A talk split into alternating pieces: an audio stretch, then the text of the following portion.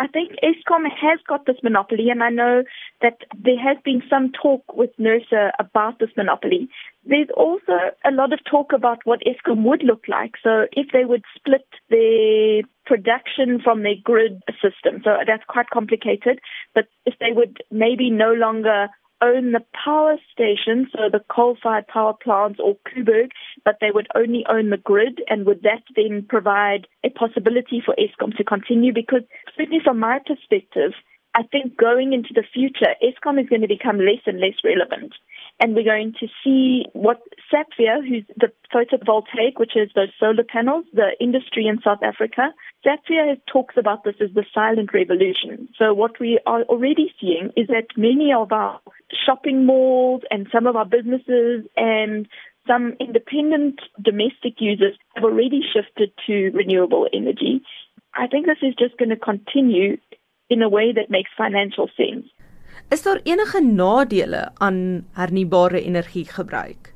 Uh, certainly at the moment many businesses often cross subsidize the indigent and the very poor people in South Africa and their power supply. So our one concern is as businesses deflect from the grid and stop using Eskom, then how will we allow for the poor in South Africa to also get access to energy?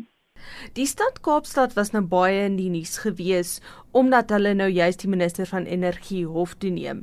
Maar wat van ander stede en die byvoorbeeld die stad van Johannesburg, wat doen hulle? So we've been asking the city of Joburg to take on a very similar stance because this is really not just better for the citizens of Joburg and for South Africans in general to use less fossil fuels, but also for the cost and the economic perspective. And then it's a way for us to beat corruption in South Africa to shift away from Eskom. Hoe sou jy voorstel moet Suid-Afrika te werk gaan om meer hernubare energie te ontwikkel? Is daar dalk voorbeelde op die internasionale front wat ons kan gebruik? As our renewable energy industry improves and develops and ages, then there's more. What has happened in other countries is that there's a greater investment in the research and development of the renewable energy industry.